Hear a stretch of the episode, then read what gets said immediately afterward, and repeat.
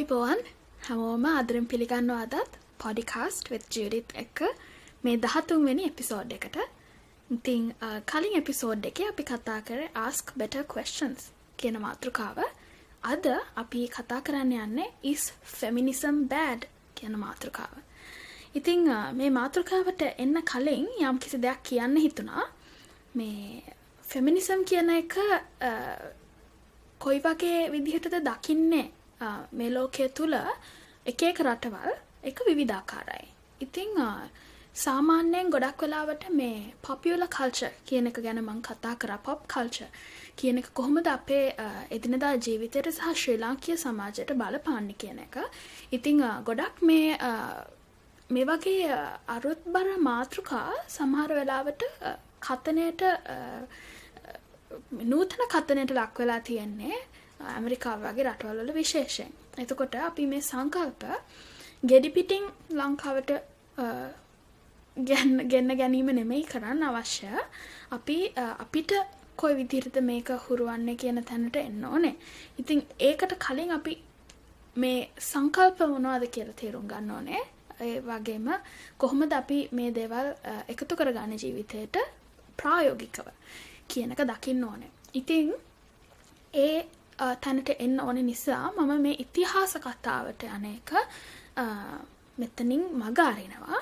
ඔබට කැමැත්තක් තියෙනවා නම් කියවන්න ෆෙමිනිසම් හිස්ට්‍රිය එක ගැන ගොඩාක් රිසෝසස් තියෙනවා ඉන්ටනෙට් එකේ සහ පොත්පත් සහ වෙනත් පොඩ්කාස්ට් ඔබට ගොඩක් දේවල් හොයාගන්න පුළුවන් අන්තර්ජාලයෙන් ඉතින් මම ආරාධනා කරනවා ඔබට මේ ෆෙමිනිසම් කොහොමද පටන් ගත්තේ?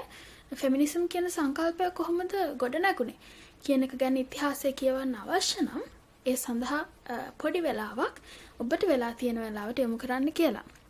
නමුත් අද කතිකාවත මට ගේන්න ඕනේ ලංකාවේ සංස්කෘතියත් එක්ක ලංකාවේ සමාජ වටපිටාවත් එක්ක. Is feminism bad? කියන ප්‍රශ්නෙට උත්තරේ හොයාගන්න. දැන් මොකද්ද ස්ත්‍රීවාදය කියන්නේ? කියලා හිතුවොත් මේක මේ අයිඩ මේ තියෙන ඩෙෆිනේෂන් එක තමයි advocacy.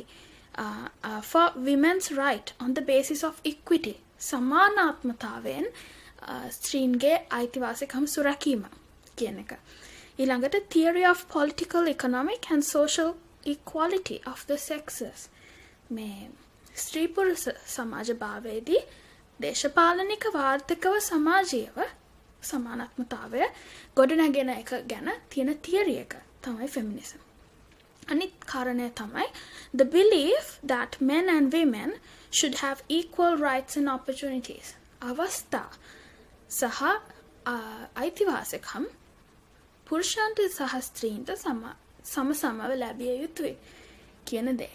දැන් මෙහෙම බෙදලා වෙන් කරලා පෙන්නුවම මම හිතනවා මේ අයෝ මේ ඇංග්‍රි ෆෙමිනිස්ට් හරි කාට හරි මේ ෆෙමිනිසම් කියපු ගමන් බය වෙලා දුවන පිරිමි වුණත් මෙන්න මේ කරුණු ටික මෙහෙම කඩලා වෙන් කරලා පෙන්නුවම ඇත්තනේ ඒක කතාව.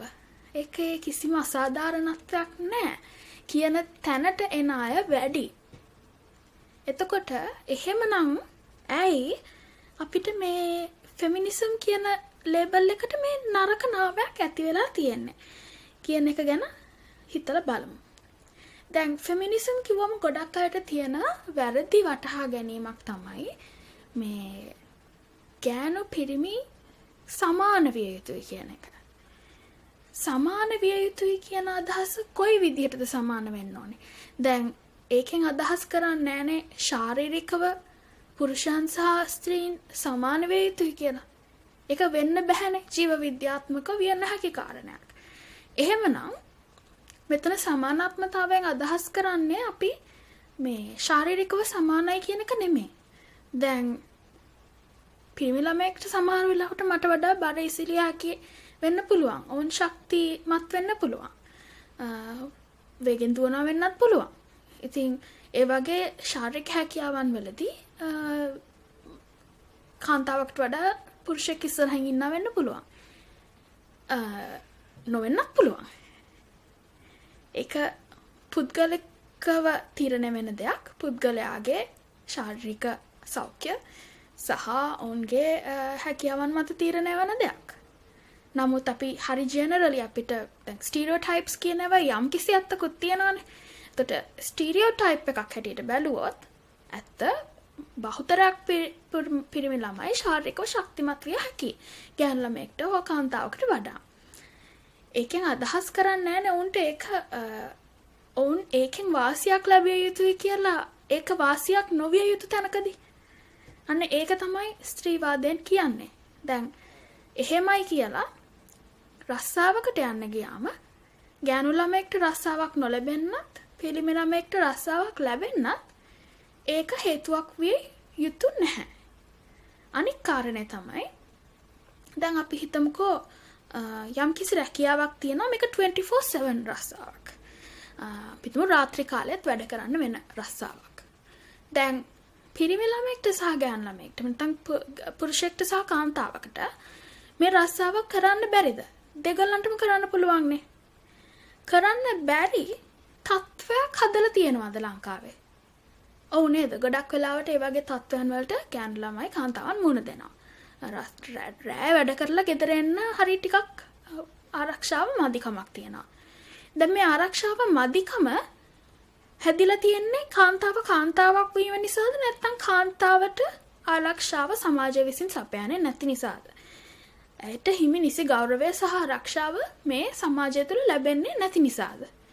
එතකොට එහෙමනම් මේ කාරණාවේදී ගෑනු ළමෙක්ට මේක බැරි වෙන්න එහෙම නැත්නම් කාන්තාවකට මේක බැරි වෙන්න එහෙම නැත්නම් කාන්තාවක් මේකෙන් ඩිස්කරේජ් වෙන්න ඒක කරන්න යන්න මැලිකමක් දැක්වීමට හේතුව තියෙන්නේ ඇය කාන්තාවක් වීම කියන කාරණය මත නෙමෙයි.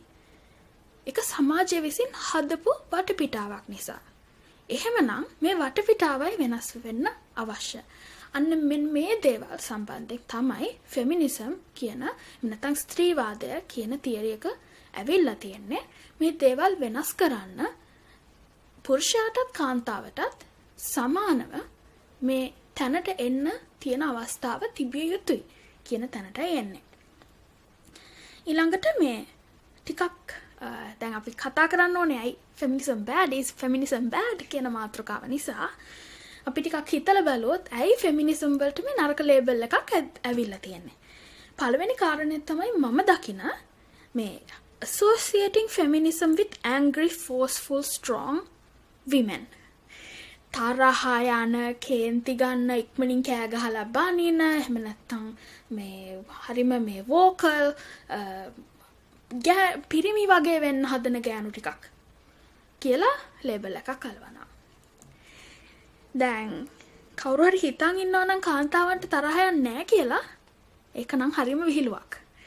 ඒ වගේම කවුරුහරි හිතන් ඉන්නවා නම් කාන්තාවන්ට චතුරව කතා කරන්න බෑ කියලා. ඒකත් ලොකු විහිළුවක්. කාන්තාවන් ශක්තිමත් නෑ කියලා හිතන් ඉන්නවා නම් අම්මගෙන් ගෙදර ගිහිල්ලා අහලා බලන්න. කොහොමද ළමයි හම්බ වෙද්දි දරාගත්තේ? කොහොමද මේ දේවල් දරාගන්න? හැම මාසෙකම මේ මාස් ශුද්ධිය ඇති වෙනවා ගෑනු ළමෙක්ට. මේක වේදනාකාරී අත්දැකීමක් විදිහට දරන කාන්තාවන් ඉන්නවා. පිරිමියා ඒක දරන්න එතකොට මේ මාසිකව වුණත් අපහසුතාවයට පත්වෙන ශාරීරික දේවල් දරමින් කාන්තාවන් එකිනෙකට උරනුර ගැටමින් කොහොමද තමන්ගේ ජීවිතය ගැටගහගන්නේ කියන එකට මේ ඇත්තටම උදාහරණ අවශ්‍ය නැහැ. ගිහිල්ල අහල බලන්න ඔබේ සමීපතම කාන්තාවන්ගේ ජීවිතේ. කොහොමද කේන්ති යන එක හෝ චතුරව කතා කරන එක ශක්තිමත් වෙන එක කාන්තාවකට අයිති නොවන ලක්ෂණ විදිහට මෙහෙම දැක්කේ කවද්ද? මේකට ගොඩාක් වෙලාවට අඩිතාලම වැටෙන්නේ ආගමිකව සහ සංස්කෘතිකව. ලංකාවේ දැන් මේ ලංකාවේ සංස්කෘතිය කනවෝ කියකි කෑගහන්නේ ඇත්තටම ලංකාවේ සංස්කෘතිය නොවන බව අපි හොඳටම දන්නවා. මේක වික්ටෝරියානු සංස්කෘතිය. බ්‍රිතාන්‍ය ජාතිකයන් එක්ක සහ මේ අපිට ආපු විදේශීය බලපෑම් එක්ක මම කතෝලිකෙක් මම කතෝලික සභාවෙන් ආපු බලපෑම් දන්නවා. මම කන්‍යාසූරියන්ගේ කන්‍යාරාමයකට ගිහිල්ලා ඉගෙන ගත්ත කෙනෙක්. මම දන්නවා අනිවාර්යෙන් මේ ආගම් වලින් අපිට ලැබිච්ච බලපෑම මොකක්ද කියන එක. එතකොට මේ අපි දකින දේ අපි වෙන තැනකින් ගෙඩ පිටින් ගත්ත දෙයක්. අපි මෙතන වෙනස් කරගත යුතුමයි. ඉතිං අවවාදයක් දෙනවටත් වඩා මම කැමති ඔබට විවෘතව හිතන්න ආරාධනා කරන්න මේ සම්බන්ධයෙන්. ටිකක් හිතන්න ඇත්තටම මේ සංස්කෘතියෙන් අපිට කාන්තාවන් මෙසේ විය යුතුයි කියලා කොහෙන්දාවේ. ගොඩක් දුරට ආගම් සහ සංස්කෘතින් වෙනත් රටවල්වල ලංකාවෙහෙම සංස්කෘතියක් ගැන තිබිල නැහැන ඇත්තටම උදාහරණයක් විදියට ගත්තොත් බෞද්ධයන්ගේ මුදුන් මල් කඩ වෙච්චි දළදා දන්තධාතුන් වහන්සේ ලංකාවට වැඩමවන්න කාන්තාවක්. නමුත් එක කාලයක් තිබ්බ කාන්තාවකට ඒ දල්තා මාලිකාව යම් කිසි තැන්වලට යන්න බැරි තත්ත්වයක් තිබුණ. ශ්‍රී මහබෝධිය අරංගෙන්නේ කාන්තාවක්. නමුත් ඒකට අත තියන්න බැහැ කාන්තාවකට කාලයක් තිස්සේ. එතකොට කතෝලිකාගමේ ගත්තොත් කන්‍යා සෝරියන්ට සහ පුරුෂ පූජකතුමන්ලාට සලකන්නේ ඉතාමත් දෙවිදියකට. දිව්‍ය පූජායාගේ තියන්න බැහැ කන්‍යා සෝරියකට දැන් ඒව වෙනස්සමින් පවතිනවා නමුත් මේක තමයි ට්‍රඩිෂන් එක. එතකොට තුන්වෙනි කාරණයට මම එන්න උත්සාහ කරන්නේ afraid of change traditional roles and culture මේ මේ දේවල් වෙනස් වීමට අපිට තියෙන බය. ඒක තමයි තුන්වෙනි කාරණය. හතරවෙනි කාරණය විදිහට මම දකින්නේ negative shifts in relationship. දැන් මේක තුන්වෙනි කාරණය හා සම්බන්ධයි. ට්‍රෙඩිෂනලි ගත්තොත් අපේ මේ චරිතානුකූලව ගත්තොත් මේ අපේ ක්‍රමය බැලුවොත් අම්ම කරන්න ඕනේ දේවල් ටිකක් සහ තාත්තා කරන්න ඕනේ දේවල් ටිකක් කියලා වෙන් කරගත්ත දේවල් ටිකක් තියෙනවනේ ලෝකේ. එතකොට මේ මේක වෙනස් වෙනවට අපි බයයි. ඒකනේ තුන්වෙනි කාරණේ කතා කරේ. ඒකම අපි සම්බන්ධ කරොත් අපේ සම්බන්ධතාවලට මේ යම්කිසි යටපහ යටහත් පහත් බවක්. ගෑනු කෙනා පිරිමියා කියන දේ අහන්න ඕනේ. අහගෙන මේ සද්ද නැතුව පැත්තකට වෙලා කීකරුව සිටීම. වගේ දේවල් මේ ඔලුවට ගහගෙන තියනනේ. මෙන්න මේ දේවල් වෙනස් වෙයි කියන බය තියෙනවා. ඒතකොට ගෑනු එක්කෙනා රස්සාවට යනවා නම් ඇයගෙන් අවවාදන ශාසනා ගන්න වෙයිද පිරිමියාට. එතකොට මේක හීනමානයත් එක්කත් සම්බන්ධ වෙනවා. අපිට ඒගොල්ලන්ගේ අවවාදන ශාසන අවශ්‍ය නැහැ කියන තැනට එනවා නම් මේ මේ මේ දේවල් නරකයි කියලා ලේබල් කරලා මිනිස්සු මෙහෙම හිතන එක නරකයි කියලා ඔවුන් පටු විදිහට හිතනවා කියලා ලේබල් කරලා උන්ව මෙතනින් මේ සාකච්ඡාවෙන් ඉවත් කිරීම නෙමෙයි අපි කළ යුත්තේ. මේක අපි තේරුම් ගන්න ඕනේ අපි හැමෝම තුළ තියනවා කියන එක. දැන් මේ මේ කතා කරන මටත් ජෙන්ඩර් බයස් එක තියෙනවා. කාලයක් තිබුණ ජීවිතේ මම කැමති වෙලා හිටියේ නැහැ ගෑනු කෙනෙක් මගේ බස් වෙනවට. මට කාන්තාවක් එක වැඩ කිරීමේ අවශ්‍යතාවයක් තිබුණේ නැහැ. ඒකට හේතු විදියට මම දැක්කේ මේ මගේ බයස් එක පොඩි කාලින්දම් මම දැකපු දේවල් සහ මම හිටපු වටපිටාව ශ්‍රී ලංකීය ජන සමාජය. ඒතර මේ දැකපු දේවල් එක මම හිතාගත්ත දෙයින් නේ මම තීරණය කරන්නේ කොහොමද විය යුත්තේ කියලා. මම හිතාගෙන හිටියා කාන්තාවක් නම් මගේ නායකයා මේ හරිම හැඟීම් බර වැඩි වෙයි. හැම එකටම කෑ ගහගෙන එයි. කියවනවා කියවන ඉවරයක් නැති වෙයි. ඕපු දූප ඒවා වැඩි වෙයි. මට නිදහසේ වැඩක් කරගෙන යන්න බැරි වෙයි. කාන්තාවක් කාන්තාවක් ඊරිසයි කියලත් මේ තියෙනවනේ කතා බහක් මාව කපයි. ඕව තමයි ඔළුවේ. පසු කාලිනව දේවල් තේරෙනකොට මම උත්සාහ කරා කාන්තාවක් යටතේ වැඩ කරන්න කාන්තා බොස්ලා හොයාගන්න.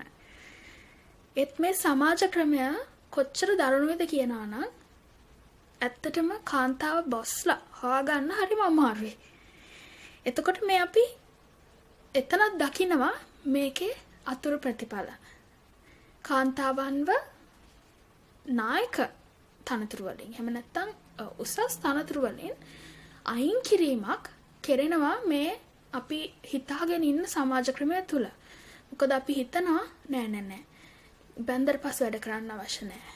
බැන්දර පස්සේ ළමයි හදාගත්තට පස්සේ යන්න ඕනේ. ඕනවට වඩා දේවල් පසුපස හඹා යන්න අවශ්‍ය නෑ කාන්තාවන්. සල්ලි පස්සේ යන්න හොඳ නෑ කාන්තාවන්. ඇම්බිෂස් විය යුතු නැහැ කාන්තාවන්. තමන්ගේ ජීවිතය කැප කරන්න ඕනේ. මේ මේ කැපකිරීමක් බලාපොරොත්තු වෙනවා. මේ මේ දේවල් අපිට පොඩි කාලේ ඉඳන් දීපු දේවල්නේ. හිතලා බලන්න හරිම විවෘතව මේ දේවල් කොච්චර දුරට ඇත්තද සහ සාධාරණද කියන එක. මෙහෙම හිතුවේ නැත්තම් අපිට මෙතනින් එහාට අඩියක් තියන්න බැරි වෙයි. ඉතින් අනික් කාරණාව තමයි මේ දේශපාලනයට එන එක අත්‍යවශ්‍යයි. මොකද මේ අපි හරි පම්පෝරි ගහනවා අපි තමයි පළවෙනි ලෝක අග්‍රාමාත්‍යවරිය බිහි කරේ ශ්‍රී ලංකාව. අපිට ජනාධිපතිවරයක් හිටිය කාන්තාවක්.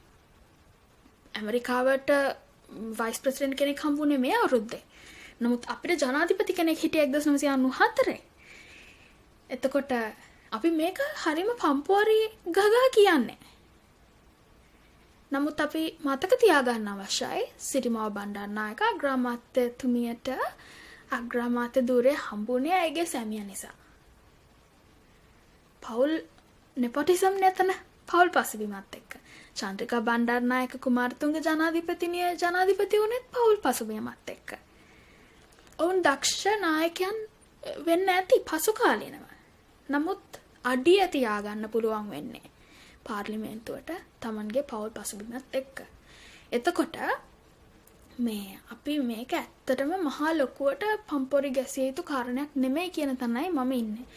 මොකද මේ අපිට ප්‍රථම අග්‍රාමාත්‍යවරිය හම්බුණාට ලෝකේ අපි කොච්චර පිටිපස්සෙන්ද ඉන්නේ කියන එක අද පාර්ලිමේන්තුව දිහා එක ඇහැ කැරලා බැලුවොත් තේරෙනවා. ගෑනු කෙනෙක්ට යන්න බෑ. හරි ප්‍රොෆෙෂනල් නැහැනේ හැසිරීම. යන ගෑනු අයත් ඒක ඒ මඩගොඩටම වැටෙනවා. එතකොට අපි ඒ වටපිටාව හදලා දීලා නැහැ. ඉතා දක්ෂ කාන්තාවන් ඉන්නවා මේ පොලිසි මේකින් ලීඩර්ෂිප් වගේ දේවල් වලට යන්න පුළුවන්. නමුත් බයයි. හේතුව පාතාල කල්ලි වලට මේ කනෙක්ෂන්ස් තියන අය ඉන්නේ මැරයෝ මැරවැඩකම් කරන අය. එතකොට මේ දේවල් එක්ක තමන්ටත් එහෙනම් ඒ සම් ඒ වගේ පසුබිමක් තිබිය යුතුයි මේ බය නැතුව ඒ වගේ තැනකට ගිහිල්ලා වැඩක් කරන්න, කතා කරන්න. ඉතින් මේ දේවල් වෙනස් වෙන්න ඕනේ. අපි ඉස්සෙල්ලම අපේ ඔළුවෙන් මේ දේවල් බැහැර කරගත්තොත් විතරයි. ඉතින් ඇහැම බලනකොට ඔබට තේරෙනවා නම් feminism is not bad. Feminism කියන සංකල්පය හැදුනේ පිරිමින්ව යට කරගන්න නෙමෙයි. මේ කාන්තාවන්ට මේ අවස්ථාවේ තියෙන අසාධාරණය අඩු කරලා ඔවුන්ට යම්කිසි සමතනක් ලබා දෙන්න පුළුවන් විදිහට සමාජය වෙනස් විය යුතුයි කියන කරුණු කාරණා ඉස්සරහට ගෙන්නයි ෆෙමිනිසම් තියෙන්නේ. ඉතින් ඔබට මොනවද කරන්න පුළුවන්? පළවෙනි දේ තමයි pay attention to your thoughts. කාන්තාවක් ගැන නරකක් හිතනකොට හරි ෆෙමිනිසම් සම්බන්ධ දේවල් සම්බන්ධයෙන් නරක දෙයක් හිතනකොට හිතලා බලන්න ඇයි මෙහෙම හිතුනේ මොකක්ද මම මේ විදිහට හිතන්න හේතුව මේක කොයිතරම් දුරට සාධාරණද කියන එක. අනික එක තමයි stand up for women. ගොඩක් අය මම දැකලා තියෙනවා කියනවා ඔයාගේ අම්මට උනා නම් ඔයා මොකද කියන්නේ මෙහෙම. ඔයාගේ සහෝදරියකට උනා නම් මේ අපචාර සම්බන්ධයෙන් වගේම සයිබර් බුලින් ඒ හැම දෙයක් සම්බන්ධයෙන් මිනිස්සු කතා කරද්දි මිනිස්සු අහන්නේ ඔයාගේ අම්මට උනා නම් ආ මොකද්ද කරන්නේ? දැන් ඇයි ඒක තමන්ගේ අම්මා විය යුත්තේ? තමන්ගේ සහෝදරිය විය යුත්තේ? තමන්ගේ පෙම්වතිය විය යුත්තේ? එහෙම දැනෙන්න හිතට. එතෙන්ට එන්න අවශ්‍ය නැහැ. කාන්තාවක් කාන්තාවක් හැටියට දැකලා කාන්තාවට ගරු කරන්න පුළුවන් වෙන්න ඕනේ. තමන්ගේ කිසිම නෑදෑකමක් නැති වුණත්. පුරුෂන් සහ කාන්තාවන් දෙගොල්ලන්ම මෙතනදී මේ පිරිමියට විතරක් බැනල වැඩක් නැහැ. කාන්තාවනුත් කාන්තාවන්න පල්ලහට දානවනේ. අනික එක තමයි මේ තමන්ගේ බයස් එක තේරුම් ගැනීම. මේවට හොඳ රිසෝසස් ගොඩක් අන්තර්ජාලය තියෙනවා. ඉතින් මං ආරාධනා කරනවා මේ ක්විසස් ජෙන්ඩ බයිස් ක්විසස් හෙම කරලා බලන්න. තමන්ගේ ජෙන්ඩ බයසක තේරුම් ගන්න ඕනේ. ගොඩක් මෙහෙ රස්සාවල් වලට යද්දි ඉන්ටවිව් එක එක කොටසක් තමයි ජෙන්ඩ බයස් ඉන්ටවිව් එකක් තියෙනවා. ඉතිං මේ දේවල් වෙනස් වේමින් පවතිනවා. එක හොඳ දෙයක්. එත් එක්කම මේ ජෙන්ඩ බයස් කියන එක සම්බන්ධයෙන් හොඳ ටෙට් ටෝක එකක් තියෙනවා. මේ ක්‍රිස්ටන් ප්‍රශ්න කියලා කාන්තාවකගේ. එකත් බලන්න කියලා ආරාධනා කරනවා. තමන්ට හැකි හැම වෙලාවකදිම කාන්තාවකට අවාසියක් සිදුවෙනවා නම් පුරුෂයෙක්ට වඩා ඒ තැන වෙනස් කරන්න උත්සාහ කරන්න. තමන්ගේ යාළුවෝ සමහර වෙලාවට වැරදි විදිහට කතා කරන වෙන්න පුළුවන් ගෑනු ළමයි ගැන.